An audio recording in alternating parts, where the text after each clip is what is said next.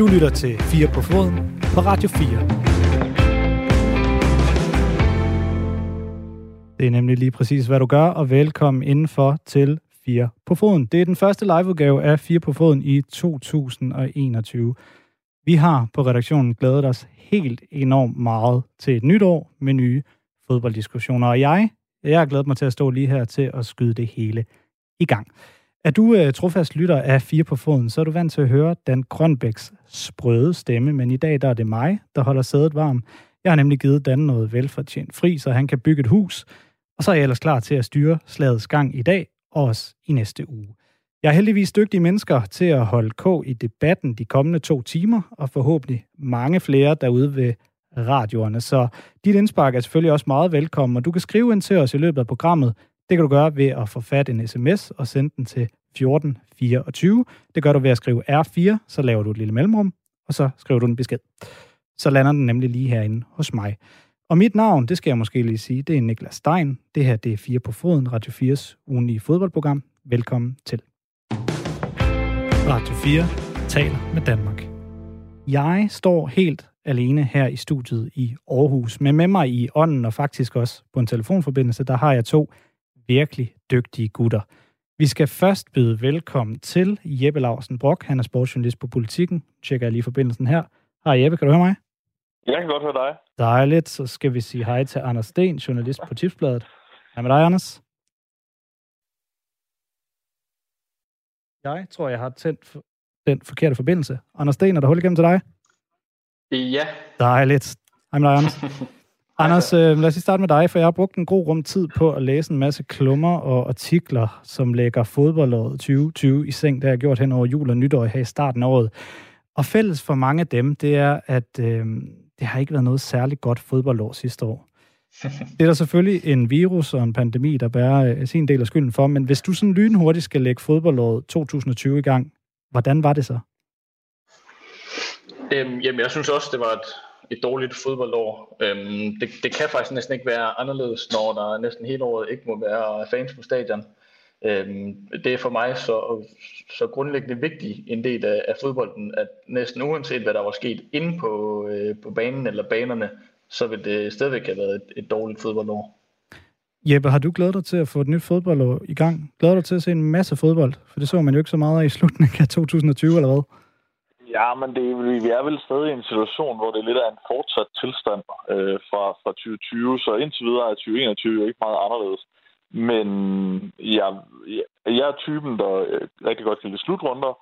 Øh, indtil videre er der stadig usikkert, hvordan EM til sommer bliver, men den kan jeg da godt lige nu tillade mig at se lidt frem til, og så håbe, at den kan blive afviklet bare nogenlunde normalt. Men jeg må, må nok tilstå, at jeg, jeg er skeptisk øh, i forhold til netop tilskueraspektet øh, på grund af pandemien.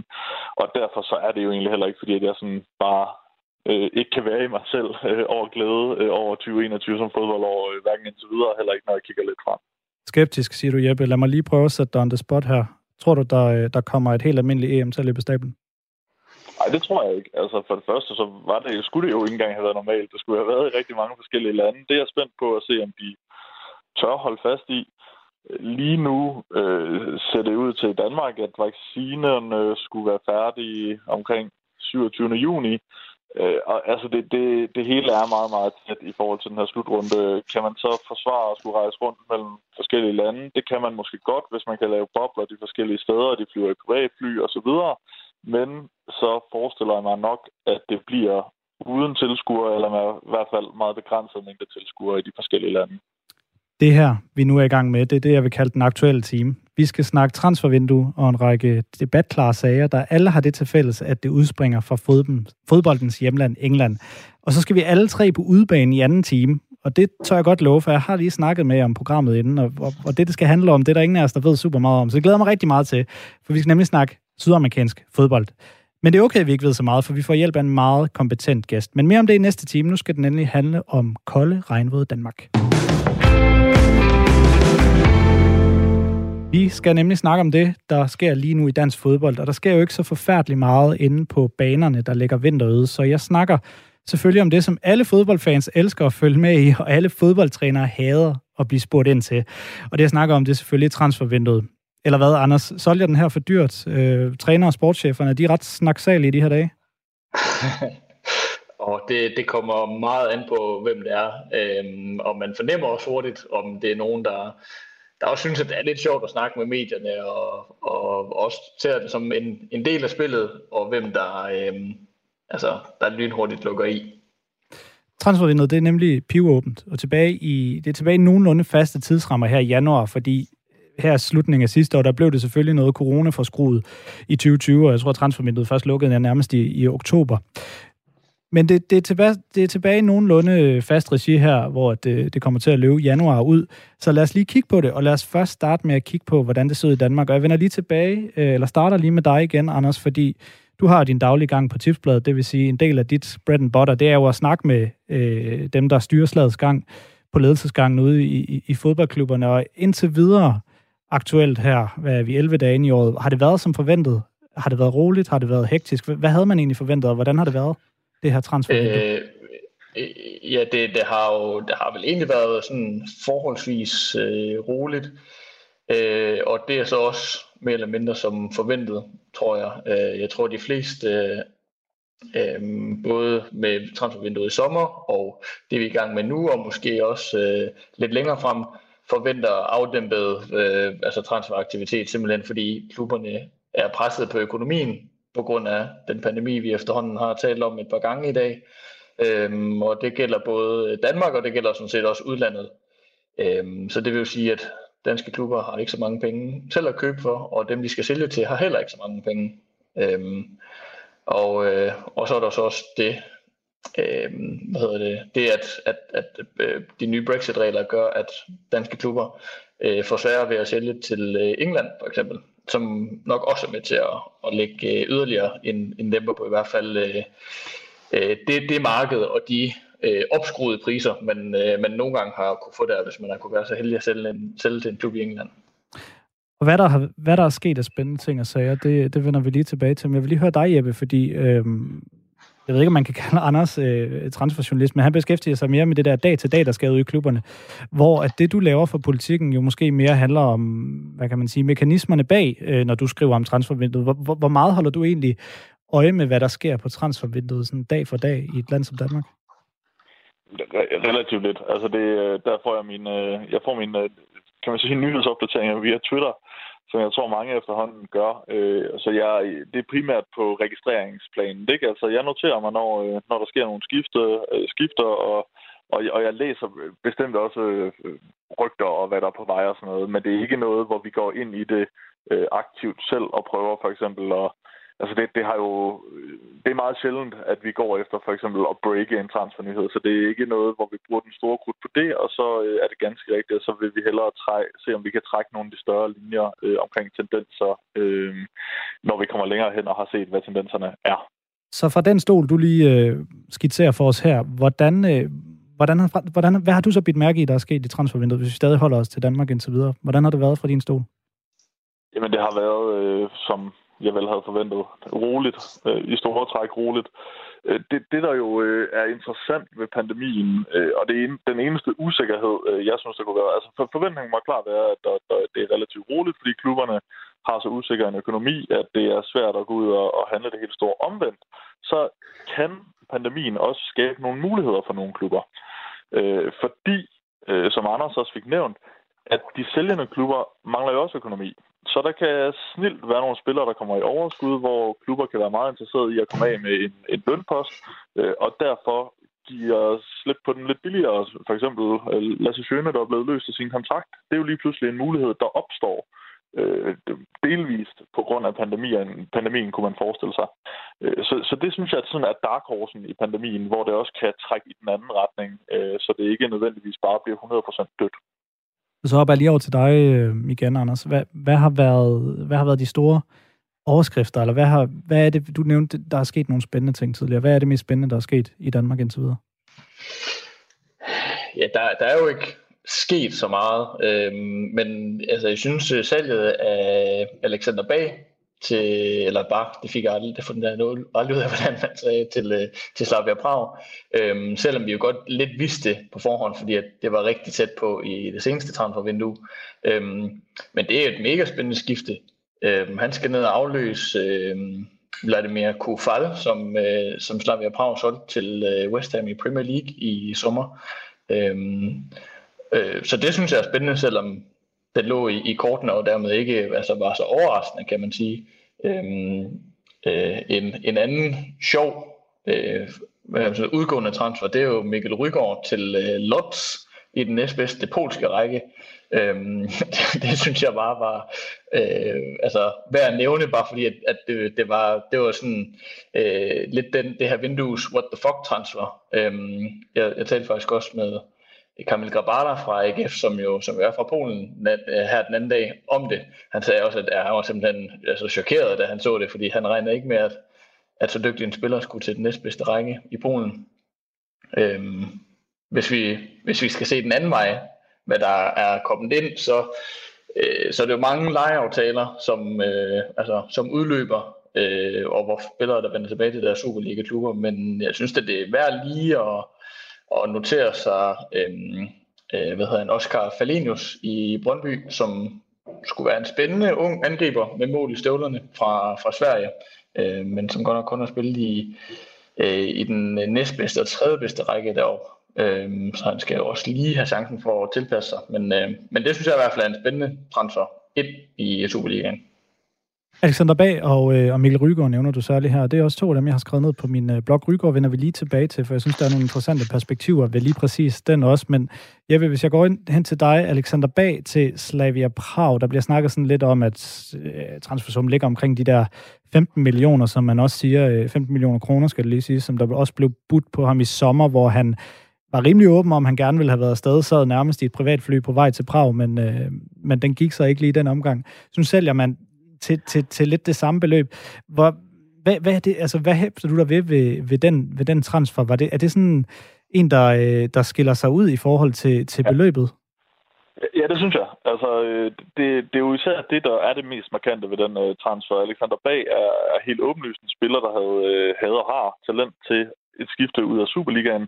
Så den del er egentlig ikke så, så overraskende, at han får et skifte væk. Øh, Slavia Prag er også en mere spændende klub, end, end mange måske tror. Altså, det er en klub med øh, jeg, jeg mener, det er kinesiske ejere i, i ryggen, så der er rimelig gode penge, og de har øh, haft rigtig mange europæiske optrædener. Så det, det er sådan set en, en ret spændende klub øh, på en liga, som ligaen er måske nogenlunde på niveau med Superligaen, men til gengæld er klubben Slavia Prag større end Sønderjyske. Men når jeg, det andet, jeg hæfter mig øh, mere ved, det, det er egentlig netop, som du siger, summen. Altså på en eller anden måde må de i Sønderjyske håbe på, at det her kan være med til at rykke klubben op i et andet lag, som en, en sælgende klub, der rent faktisk øh, kan øh, videreudvikle og måske også udvikle for bunden nogle spillere, som klubben rent faktisk kan tjene penge på. Det er ikke noget, vi har set meget øh, af i Sønderjyske, øh, så det, øh, det, det kan måske være tegn øh, på noget, de gerne vil i, i den klub det taler nemlig, øh, hvis jeg lige øh, tolker lidt videre på det, du siger, så taler det nemlig ind i den her fortælling med, med Sønderjyske, som den her klub, der lige er kommet på nye amerikanske hænder, er blevet opkøbt af den her Platik-familie, øh, hvor at de var meget åbne omkring, at nu kan de holde fast i spillere. Altså nu behøver de ikke, de ikke lige så, øh, de behøver ikke at sælge på samme måde, som de måske var før, hvis de får et stort millionbeløb. Anders, så tænker jeg, øh, uanset hvor det ligger i det her skisme fra 15 til 20 millioner, så er det jo ikke sindssygt mange flere penge end de her 15 millioner, som man var ude at sige, at de fik tilbudt i, øh, i sommer. Er det så ikke øh, på den måde lidt billigt, at han ryger for Alexander Bag? jo, det kan du godt sige. En, en, øh, en mand, der, der også fik øh, debut på landsholdet i øh, efteråret og scorede. Øhm, men, men omvendt, øh, og det er også noget, som, øh, som de andre klubber i Superligaen øh, har talt meget om, blandt andet øh, AGF, det der med, øh, hvis ikke man har en, øh, en historie med at sælge spillere for, øh, for høje beløb, og øh, de købende klubber rundt omkring har kunne se, at, øh, altså, at, at spillerne har været det værd, så er det bare svært at presse priserne op. Øh, det ved jeg, øh, som nævnt, AGF har, øh, har arbejdet rigtig meget med, og gerne vil øh, altså simpelthen sælge nogle, nogle flere spillere, øh, og, og på den måde også altså vise, at de kan producere spillere til, til nogle bedre, øhm, bedre ligaer, større ligaer. Øhm, og, og i det lys, så, så er det jo ikke så underligt, at, øhm, at Sønderjysk øh, ja, ikke sælger ham til mere. Det er jo trods alt stadigvæk øhm, øh, klubrekord for, øh, for salg Øhm, så det er jo også et, et perspektiv at se det i, at, øh, at for Sønderjyske, så er det jo faktisk ret stort. Og Mel Rygaard nævnte du også, øh, Anders, der blev ja. solgt til øh, LKS Lots, ja, som sagt i den anden bedste polske række. Øhm, jeg vil også gerne lige smide den forbi, Jeppe. Øhm, er det her en overraskelse? Ja, for mig er det en kæmpe overraskelse. Det er også en, øh, altså, jeg synes også, det er enormt ærgerligt. Altså, øh, ikke, ikke på den måde, at jeg på nogen måde kunne finde på at, at fordømme Mikkel Rygaard. Altså, det, det, jeg forstår godt, at når man nærmer sig øh, de, de senere år, det er jo ikke, fordi han ikke har været ude før. Øh, han var jo ude meget ung, øh, som jeg husker hans karriere. Øh, men men at, at, at få lidt eventyr og prøve noget nyt, og sikkert også få lidt, øh, lidt flere penge, øh, uden at jeg aner noget som helst om det, det, det kan jeg godt forstå.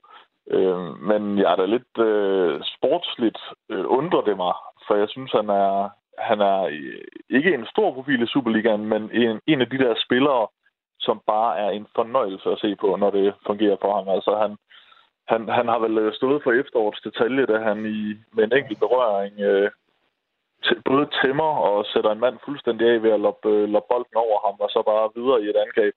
Øh, han, han kunne bare nogle, kan nogle ting, som meget få i Superligaen kunne. Han var, han var simpelthen en, en fornøjelse at se på. Øh, og synes jeg også havde en, en vigtig rolle i Nordsjælland som en af de lidt mere rutinerede spillere, som kunne være med til at løfte og lære de unge omkring sig øh, noget om fodboldverdenen, og hvordan man skulle agere på og uden på banen. Så jeg, jeg synes, at det er et klart tab for Superligaen, og når Superligaen lider af et tab, så, så vil man jo, som jeg tager udefra, gerne have, at at det er helt åbenlyst, hvorfor en spiller skifter væk. Og, og det er det måske ikke 100%, øh, når vi snakker en, en klub fra den næstbedste polske række. Men, men det er jo helt fair, at han vil, vil ud og prøve noget andet. Det, det er all the best uh, til Mikkel Udgaard.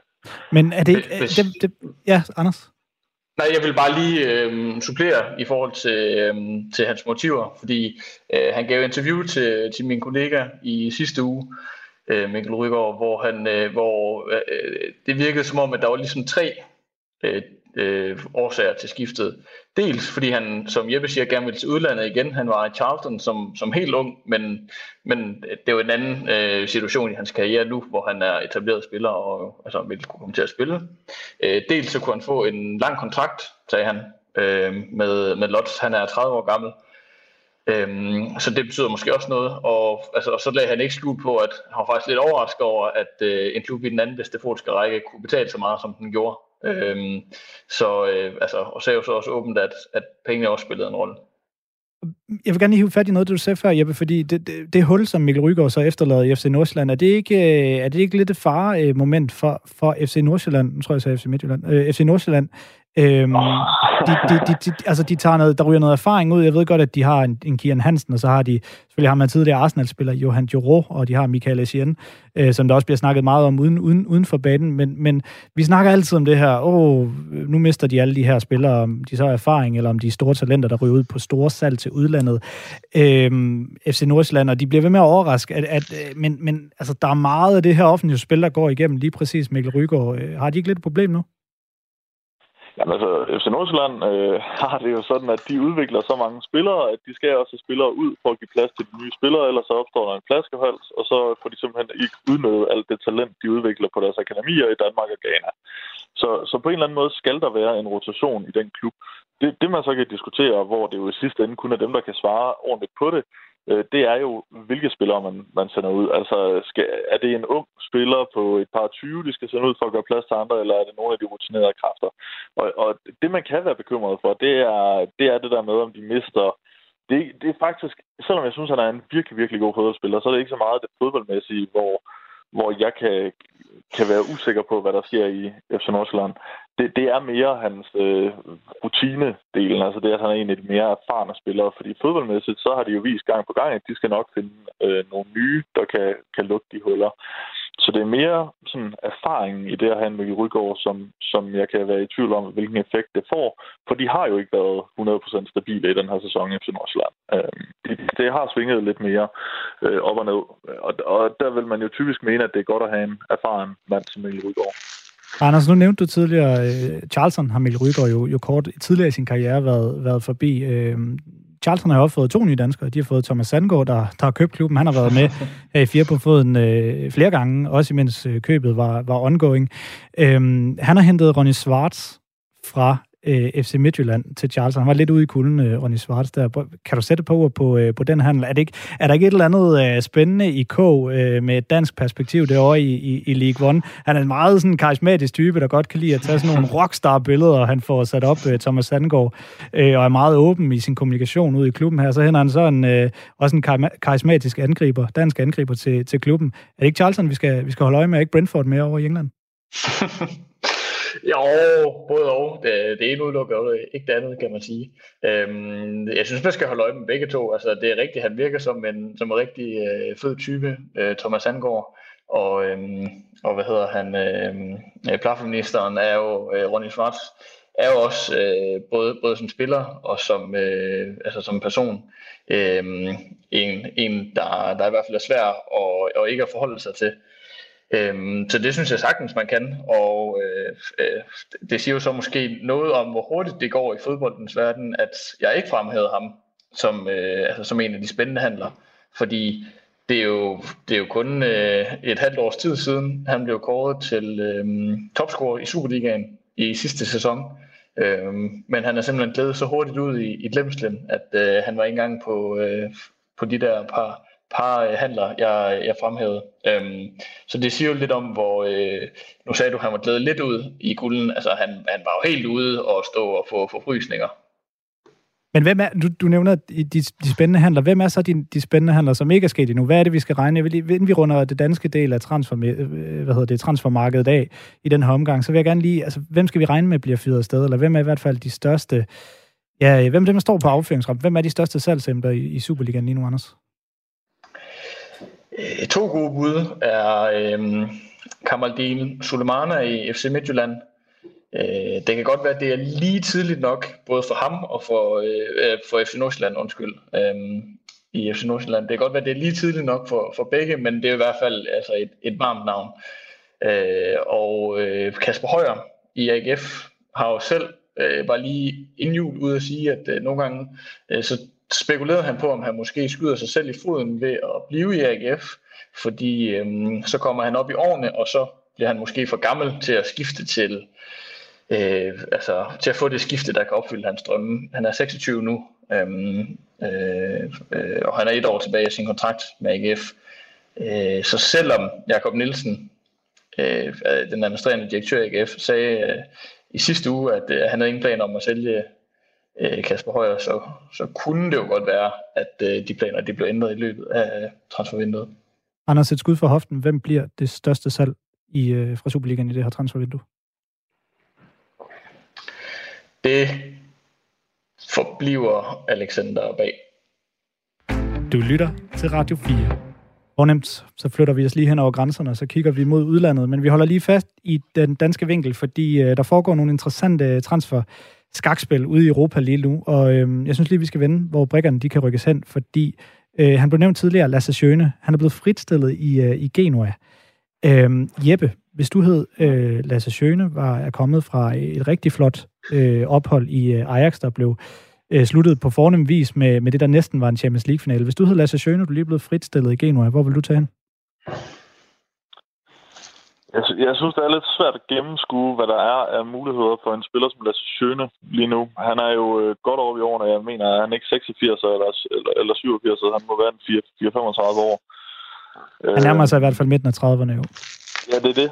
Øh, så, så det er jo ikke sådan, at øh, de store klubber lige står i kø for at, at hente ham. Så jeg er sådan set ikke sikker på, at der nødvendigvis kommer til at være vildt mange muligheder for Lasse Sjøne. Øh, I hvert fald ikke, der nødvendigvis matcher hans øh, ambitionsniveau. Øh, så hvis han kunne se sig selv på en bærende rolle, altså hvis, hvis FCK kunne være interesseret i at en bærende rolle, så tænker jeg da, at det som dansker kunne være en, øh, en, en, en stor mulighed. Men altså, hvor mange år kan FCK, skulle FCK kunne, kunne se ham. Det er jo det, der er så, øh, så svært at gennemskue, når vi snakker spillere i den alder, han er nået op i. Øh, men jeg tror, at hvis jeg var ham, så ville jeg enten gå efter eventyret, øh, altså øh, noget et eller andet sjovt land, eller også så vil jeg gå efter øh, det sted, hvor jeg kunne få en bærende og opbyggende rolle sidst i min karriere. Men er han så også interessant for FCK? Man kan sige, styrer Seca og Rasmus Falk ikke øh, den midtbane ganske fint? Det, det der jo også er simpelthen ganske enkelt svært for os at sige, det er, hvilket niveau Lasse Schøne er på lige nu, for vi har ikke set ham spille i rigtig lang tid. Det er der ikke rigtig nogen, der har. Øhm, og nogle gange så ser vi jo ældre spillere falde sammen relativt hurtigt. Men hvis Lasse Schøne han spiller, som han gjorde i sin sidste sæson for Ajax, eller bare sådan nogenlunde det, jamen, så vil han da passe flot ind hos, øh, hos FCK, netop som en eller anden øh, dybliggende øh, playmaker, hvor andre så kan øh, Seca vil kunne være den dynamiske type ved siden af, der kunne, kunne rydde rigtig meget op. Øh, det kunne jeg egentlig godt se fungere, og så kan Rasmus Falk gå ud på en kant, så det er ikke, fordi jeg ikke godt kan se ham øh, træde ind i en, en, en god position på det nuværende FCK-hold. Øh, jeg ved bare ikke, hvor længe han i så fald vil kunne holde på FCK, og hvor lang en kontrakt FCK egentlig øh, er villig til, hvilken risiko de er til, villige til at løbe i forhold til længden af sådan en kontrakt. Øh, FCK er jo heller ikke en klub, hvor, øh, hvor pengene bare strømmer, er strømmet ind her i, i pandemitiden. Øh, tværtimod. Hvad med Ajax, Anders? Skal Lasse Sjøen ikke bare tage tilbage til Amsterdam og øh, så sige, det var, det var sjovt med det øh, europæiske, det øh, italienske ophold, det gik måske ikke lige, og så tilbage til Ajax og lære de unge, hvordan man spiller noget god Ajax-bold? Jo, altså, hvis, hvis Ajax vil have ham, så synes jeg, at han skal tage imod tilbuddet. Øh, spørgsmålet er, om, om de vil det. Øh, det er jo ikke fordi, at, at det er helt uvandt for Ajax at, at hente aldrende spillere ind til netop at have den der opbyggende rolle. Men som Jeppe også siger, altså, vi, vi ved jo groft sagt ikke, øh, hvor, hvor god han er øh, længere, øh, eller i hvert fald i øjeblikket, fordi det er så længe siden han har spillet. Altså, så spørgsmålet er også, om, om en klub som Ajax øh, vil, øh, altså, øh, kan bruge ham simpelthen. Og så lad os lige bevæge os videre til en anden øh, midtbane elegantier. Øh, Christian Eriksen selvfølgelig. Øh, der er også nogle tråde til Ajax der naturligvis. Jeg var sådan lidt, åh, skal vi nu også snakke om Eriksen igen? Der er blevet snakket så meget om hans tid ind, så hvad skal han gøre? Sådan noget. Men så, så noterede jeg mig, at, øh, at Ajax de købte Sebastian Allaire i West Ham øh, for et, øh, et, øh, en transferrekord for deres vedkommende. Den har ligget lige over 150 millioner kroner. Øhm, og så tænker jeg sådan lidt, er det, er det en ny strategi fra, øh, fra Ajax? De køber ikke så mange meget rutinerede, eller lidt aldrende, eller aldrende er lærer ikke, men, men folk over 25. Øhm, Jeppe, kunne man forestille sig, at øh, Eriksen kunne være en del af, af en ny Ajax-strategi? Altså, hvordan vil han være tilbage i Ajax? Der er blevet rygtet lidt omkring det. Ja, ja det har jeg meget, meget svært at se ske. Øh, Eriksen er en spiller på et helt andet niveau end Aller. Altså, det, det, det, det, altså jeg forstår sammenligningen. Men han er vel også rusten? Jeg forstår, Lidt, ja, lidt i forhold til det, du sagde med Sjøne. Han er vel også rusten, Eriksen? Jo, jo, men han kommer jo i en helt anden alder og fra en helt anden hylde end Lasse Sjøne. Eriksen har været milevis, altså galakser foran Lasse Sjøne i, i uh, det internationale midtbanerhierarki. Uh, så han kommer fra en, en helt anden højere hylde, og han er meget, meget yngre. Uh, så så øh, jeg kan da kun forestille mig, at Ajax vil være interesseret i at tilknytte Eriksen. De har jo selv set, hvor godt han kan fungere i det system. Øh, men om det økonomisk vil kunne lade sig gøre, der er også en kæmpe løn, øh, han render rundt med, øh, som formentlig også er, eller er meget større end Lasse Sjøne, så formentlig også meget, meget større end Allers. Så rent økonomisk er det stadig at, at, at sprænge banken på en helt anden måde, end de har været vant til øh, Ajax, selvom de er begyndt indimellem at hente nogen hjem. Så for at sige det, set fra Ajax øh, synspunkt, der synes jeg, det giver rigtig god mening at få sådan en, altså simpelthen gøre Eriksen til det helt store omdrejningspunkt øh, på sådan et hold. Det kan jeg virkelig godt se for mig. Men at det skulle være interessant for, for Eriksen økonomisk og sportsligt, det har jeg svært ved at se for mig. Det er altså ikke mere end, øh, end et års tid siden, at, øh, at, at det var helt andre adresser, man snakkede om, om snakkede Christian Eriksen. Ajax er en traditionsrig klub, men det er jo ikke en af Europas absolut største, selvom de lige har været i en Champions League-finale for nylig. Hmm. Stor løn. Det kunne jo være noget, man kunne betale i Paris. De har minsandt også lige fået øh, ja, en af de trænere, der har øh, fået Eriksen til at præstere noget af det bedste, Eriksen har præsteret nogensinde. Mauricio Pochettino. Anders, Eriksen til PSG, giver det mening? Hmm, ja, i hvert fald ud fra de ting, du lige nævnte, der giver det jo fin mening. Øhm, jeg ved, jeg ved, jeg ved ikke, hvor godt Christian Eriksen ville, øh, ville passe ind i Paris Saint-Germain, som er meget, øh, er mit indtryk, øh, at, at det, er, det er meget et, et sted, hvor store navne kommer hen, og, og så, øh, så altså optræder de sådan lidt, øh, lidt individuelt, øh, hver for sig, og altså har meget sådan deres egne show øh, kørende, nærmest både på og uden for banen. Øh, jeg ved ikke, hvor godt Christian Eriksen vil, vil passe ind i det der. Måske vil han omvendt altså, passe godt ind netop, fordi at han ikke er endnu et ego, der skal, øh, der sådan skal tvinges ind i en, i en, i en start 11. Øhm, men ja, altså hvis ikke det var for Pochettino, så ville jeg, så ville jeg være mere skeptisk i hvert fald, end, end jeg er. Godt, vi holder øje med, med Eriksen og Sjøne, men, og så parkerer vi lige dem, og så lad os snakke om en af de transfers, der rent faktisk er øh, effektueret med, med en dansk vinkel. Joachim Mæle er skiftet fra øh, Genk i, øh, i Belgien til Atalanta. Øhm, Anders, du og jeg, vi var faktisk inde og overvære Atalanta øh, på øh, MCH Arena. Du i, øh, i kraft af din titel for tipsbladet, og jeg var henne øh, her fra radioen. Øhm, så vi, vi har set dem øh, i levende liv. Hvad er det for et hold, Joachim Mæle, han kommer til? Det er med med et spændende hold. Øh, de spiller øh, offensivt og, og aggressivt og øh, løber meget og højt pres. Og, øh, altså det, øh, det er jo sådan lidt Altså, der er jo andre end mig, der har sagt det her det seneste halvanden år, men det er vel sådan et af de mest sådan, spændende øh, hold i europæisk fodbold, øh, ja, netop i, i løbet af den halvanden års periode. Øhm, og, og også noget, der passer godt til Joachim Mæle, tror jeg. Øh, jeg tror, han synes, at det bliver helt vildt fedt at ind og, og løbe rundt og, og give den øh, maksimal gas øh, øh, og få lov til at gå med frem. Øh, så altså, hvis jeg var øh, Joachim Mæle, så ville jeg synes, at det var mega, mega fedt øh, skifte. Og Jeppe, hvis du var Kasper Julemand, ville du så synes, det her var et, var et fedt skifte? Er det øh, den kommende stjernebak på landsholdet? Øh, jeg vil lige starte med at sige, at jeg jo også var til stede til selv samme kamp, som jeg tog. Det var der selvfølgelig, og jeg interviewede dig endda. Ja. Ovenikøbet, øh, og det er hyggeligt. Øh, jeg synes åbenbart, det var mere hyggeligt, end du synes. Ja, det er lidt pinligt. Ja. det er så fint. Øhm, ej, øh, hvis jeg var, altså, ja, selvfølgelig ville jeg være begejstret for en, øh, en, øh, jeg ser en af de, en virkelig, virkelig spændende Serie A-klub, som ser ud til at ville satse på en øh, dansk bak. Øh, det i sig selv er jo enormt spændende, hvis, øh, hvis man er landstræner Kasper Julemand. Øhm, og så øh, virker Joachim Mæle bare så uimponeret.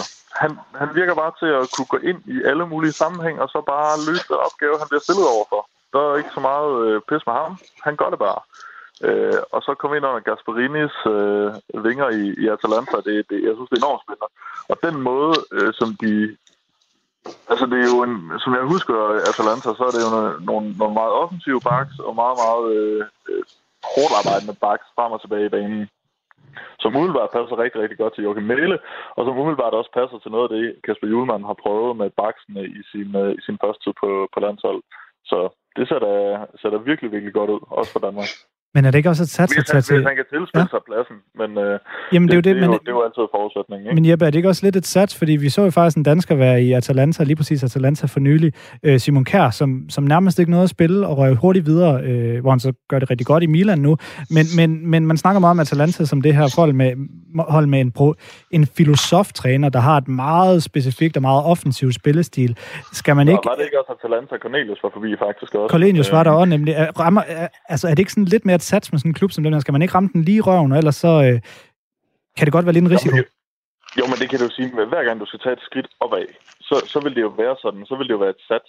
Øh, så det eneste, vi kan gøre, det er at vurdere ud fra, hvilken type øh, Joachim Mæle han er, og hvilken type øh, fodbold Atalanta spiller. Og det ligner et rigtig, rigtig godt match. Atalanta har også før, øh, som jeg husker det, hentet en højre bak i, i gæng. Øh, så man må gå ud fra, at de, øh, de har en eller anden idé om, at måden, de spiller øh, bak spiller på i, i Genk, kan passe godt ind i, i Atalanta. Så det er også noget, der taler for, at, at det kunne ligne et rigtig godt match. Men selvfølgelig vil det altid være et sats, når du skifter til en større liga og til en større klub. Men, øh, men ja, jeg har altså tiltro til, at Joachim Mæler, han kan, kan tage den øh, plads der. Du lytter til Radio 4. Godt, så parkerer vi lige transfervinduet, men øh, jeg synes lige, vi skal blive ved noget aktuelt, for jeg har stusset over, at øh, der på det seneste er havnet tre, hvad kan man kalde det, meget debatfærdige fodboldsager i, øh, i medierne, og dem synes jeg lige, vi skal vende, i hvert fald nogle af dem, dem vil de nå, for vi er gået lidt over tid. Øh, de har alle sammen afsat i England, og, øh, og det er dem, øh, som vi lige skal snakke nu. Øh, Premier League-spillere, for det første, er kommet i ballade for at holde juleferie. Øhm, Edison Cavani fra Manchester United har fået en øh, racismesag på halsen. Og så er der øh, Kieran Trippier, den, øh, den engelske landsholdsspiller, der har fået en gevaldig straf for nogle medmål, som hans venner har lavet. Især den sidste, synes jeg, der er mange interessante perspektiver i. Men lad os lige tage den til sidst, og så i stedet starte med den her, ja, hvad kan man kalde det, juleferieproblematik. Der er en masse Premier League-spillere, faktisk både øh, på øh, mændenes og på kvindernes side, der øh, har fået kritik for at nu at sige, som det er, pis på øh, de engelske øh, covid-19-restriktioner. Øh, de har blandt andet lavet alt for store forsamlinger hen over jul og nytår, øh, og samtidig så har de nogle af dem taget øh, på ferie, lækre ferie til Dubai og postet på dem på, øh, på, på Instagram og så videre. Øhm, det er især øh, nogle Tottenham-spillere, der er kommet i uføre. Det er Giovanni Lo Celso, Erik Lamela og Sergio Reguilon, og så sammen med West Ham-spilleren Manu Lanzini. De holdt altså juleaften øh, sammen, og øh, sammen med familie og det hele, entourage. De var en masse spillere. De øh, tog billeder af det og øh, lavede ud på Instagram efterfølgende. Jeppe, er det ikke for dumt? Jo, jo, det er utrolig meget for dumt, og det er der sådan noget, der, der, øh, der altså det, det, det er på en eller anden måde sådan med til at, at fremmedgøre fodboldspillere over for, øh, for den almindelige befolkning. Altså, de, de virker jo til, i forvejen er der jo sådan et klichépræget billede af, at fodboldspillere er, er forkælet og egoistiske og alt sådan noget. Og, og det er jo sådan på, i forhold til rigtig mange spillere, er det egentlig en urimelig kliché at klistre, klistre på den. Altså, de fleste fodboldspillere er sikkert helt almindelige og ganske gode mennesker.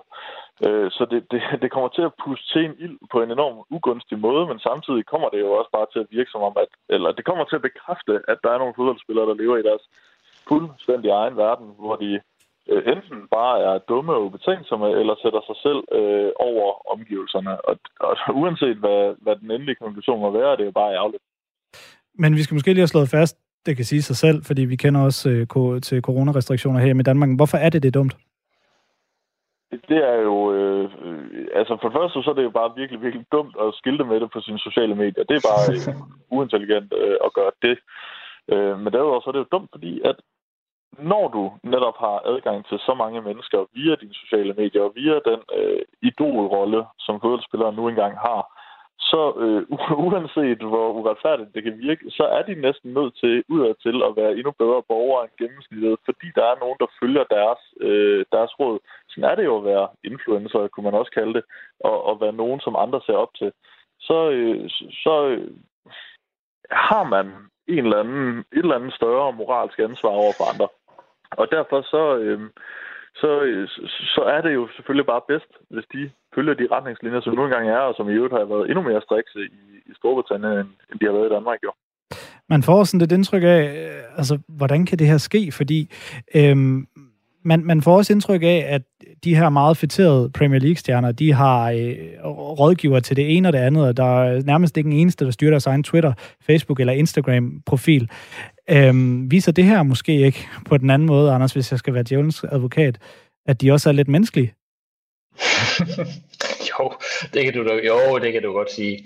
Øhm, men altså, det, altså det, det, det er sgu mere dumt, end, end det er menneskeliggørende. Altså, det er også mere, som jeg sagde, fremmedgørende, end det er menneskeliggørende, synes jeg. Øhm, altså også bare, også bare sådan en detalje med, at øh, Reguilon, han havde fået en, øh, en pattegris af, af sin manager, José Mourinho, fordi Mourinho troede, at øh, Reguilon, han skulle tilbringe juleaften alene.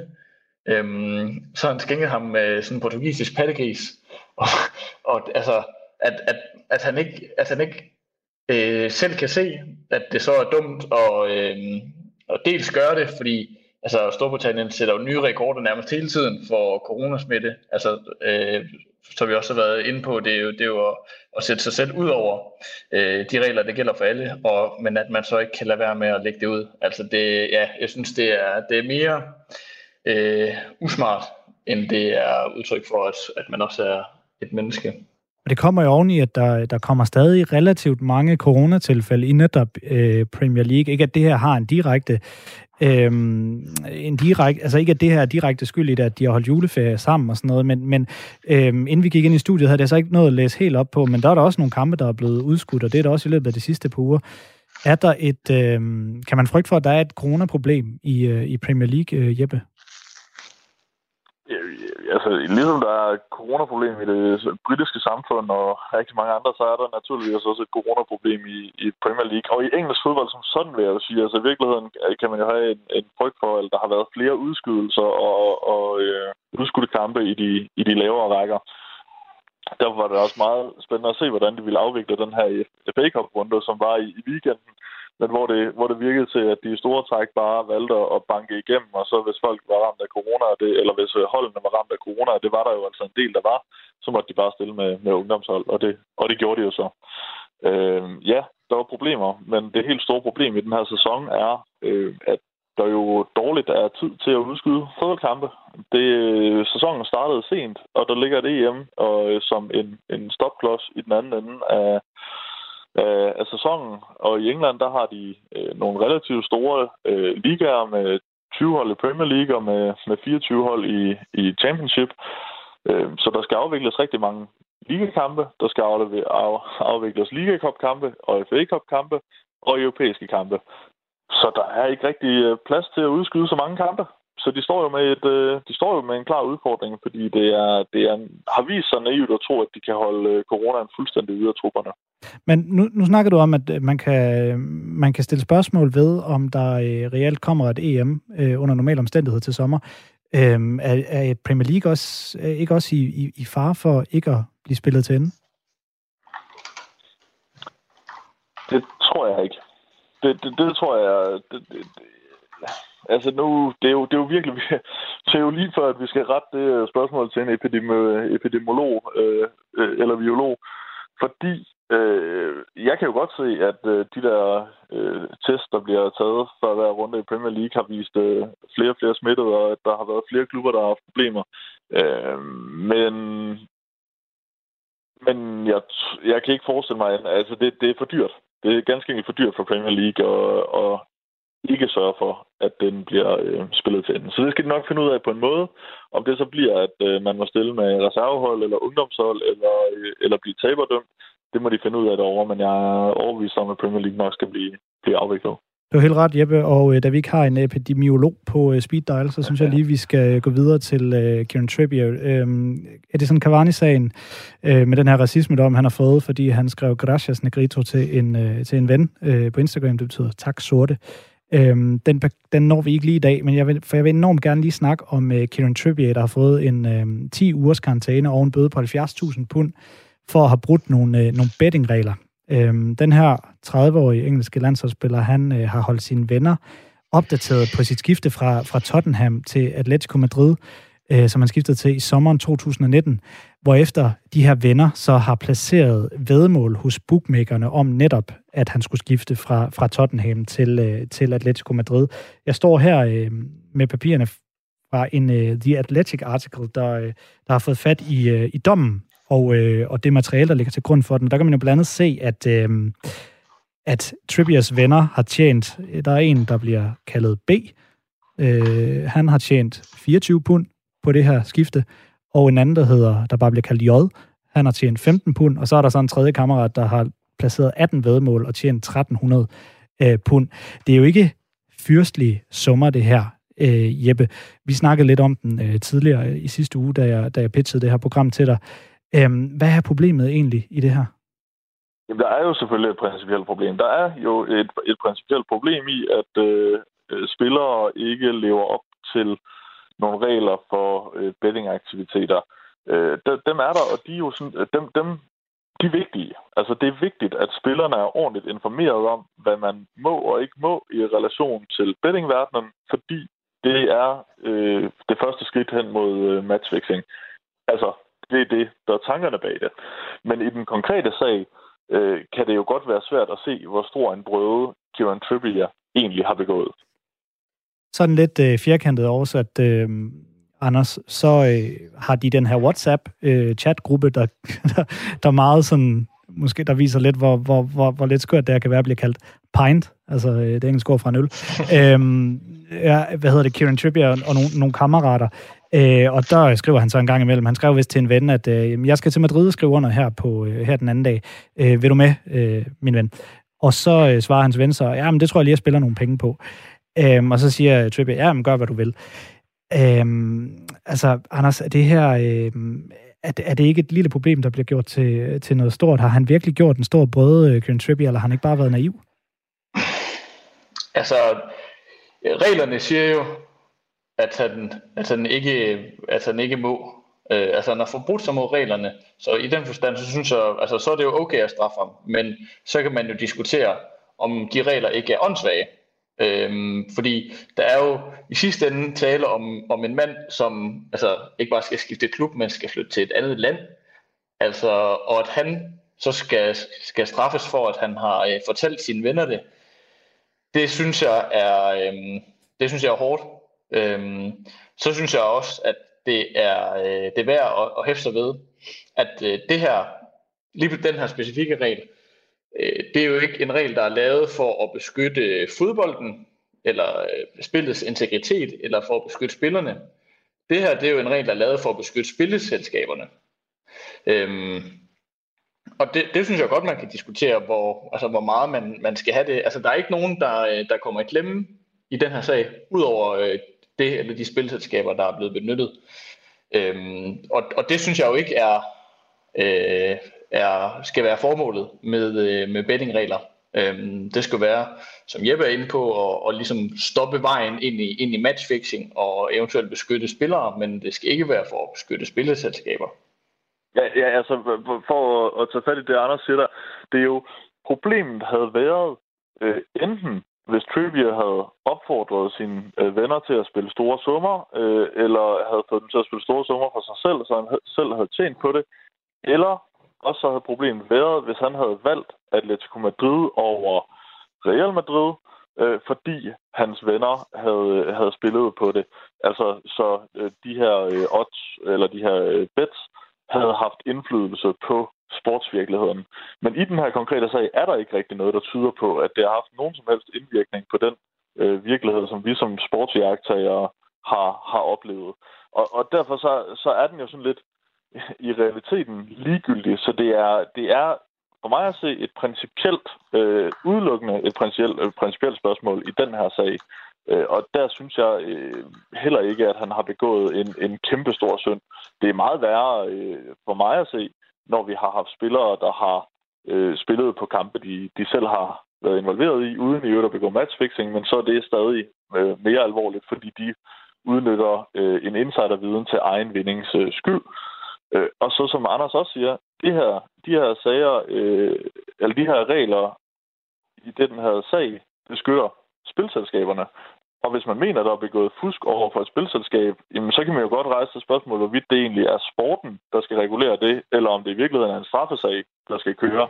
Altså hvis man mener, at øh, nogen er blevet frarøvet penge på grund af, at nogen misbruger insiderviden, jamen, så er det jo sådan set en straffesag. Og, og om det her overhovedet vil kunne bære en straffesag, det aner jeg ikke. Men man kan godt rejse spørgsmål, hvor den her sag egentlig skulle ligge. Skal den ligge i sportssystemet eller i rets, retssystemet? Men, og nu, ja, Nej, Anders, hvad siger du? Jeg vil bare lige øh, problematisere endnu en ting med den her dom. Øhm, at øh, FA har jo, har jo så idømt ham de her 10 ugers øh, karantæne fra al fodbold. Øh, Øh, og det vil jo så sige, at han ikke kan, han kan ikke træne med sit hold Atletico Madrid, han kan ikke spille kampe for det, men øh, lykkeligvis for FA, så, øh, så når øh, øh, hvad hedder det, karantænen lige præcis er udløb, så han kan være med for det engelske landshold igen. Øhm, Altså, jeg, jeg kan godt undre mig over, at FA har, har mandat til at bandlyse ham fra fodbold i Spanien også. Øhm, altså, øh, og jeg ved, at Atletico Madrid har også øh, klaget over den her øh, sag, og har måske også øh, altså fået, øh, fået den øh, genåbnet, øh, så vidt jeg husker. Fordi de simpelthen, altså de er ikke blevet hørt i den, og, øhm, og de er i øvrigt dem, altså det går ud over, det er Atletico Madrid, og selvfølgelig øh, Trippier selv, det går ud over. Øhm, og Atletico Madrid har i hvert fald intet øh, gjort galt, og, og Atletico Madrid er jo ikke underlagt øh, det, det engelske fodboldforbund. Øhm, så det, det synes jeg også, øhm, der er noget med, med jurisdiktion og mandat til, øh, hvem der kan dømme hvad her, som, som, som skuer lidt i mine ører. Og øh, jeg, nu spurgte jeg lige Anders før, om øh, Trippier ikke bare havde været naiv. Jeg kan vente lidt rundt og sige, at det ikke er meget fint, at, øh, fordi som jeg også selv er inde på, der har ikke været mange af lige præcis den her type, nu ved jeg ikke, om vi skal kalde det matchfixing, eller hvad vi skal kalde det, men af de her type sager, er det ikke fint, at der kommer sådan en sag nu her, så det, man i hvert fald kan statuere et eksempel, og bruge det som øh, et ord, du brugte tidligere, tror, jeg, jeg tror, det var dig, Jeppe, der sagde uddannelse, så i hvert fald kan bruges for de kommende generationer af fodboldspillere, der, der, der kan finde ud af, at det her, det må man altså heller ikke. Jo, jo, jo. Det, altså, det, kan jo, det, er jo, det, er jo, det er jo alt, næsten altid godt med en konkret sag, fordi det er med til at sætte ansigt øh, på, hvad reglerne egentlig øh, indeholder i praksis, og til at anskueliggøre over for omverdenen, hvad, øh, Øh, hvad de indebærer, de regler. Det er også måske det bedste afsæt til at diskutere, om der er dele af reglerne, der er blevet for stramme. Altså, reglerne er virkelig fornuftige, fordi de tager af, altså udgangspunktet for reglerne er virkelig fornuftigt, fordi det tager afsæt i, at vi skal forhindre matchfixing og bettingrelateret øh, fusk i fodbolden, øh, og det er virkelig, virkelig godt, for det er en af de største trusler mod sporten. Så grundlaget for reglerne er helt i orden, men man må jo altid som lovgiver øh, kigge på, om man er kommet til at gå for langt, og det er sådan noget, den her sag også kan være med til at, at løfte en debat om. Altså, virker reglerne efter hensigten, eller kan de i virkeligheden også gå, gå for langt i andre hensener? Og om end ikke andet, så som du nævner, så kan det i hvert fald tjene til øh, uddannelse af fremtidens fodboldspillere. Du lytter til Radio 4. Godt. Tiden her øh, for første time er så småt ved at runde ud, og vi har de her faste øh, tilbagevendende elementer i programmet, vi lige skal nå at fyre af. Ugens historie, og derefter ugens letaché.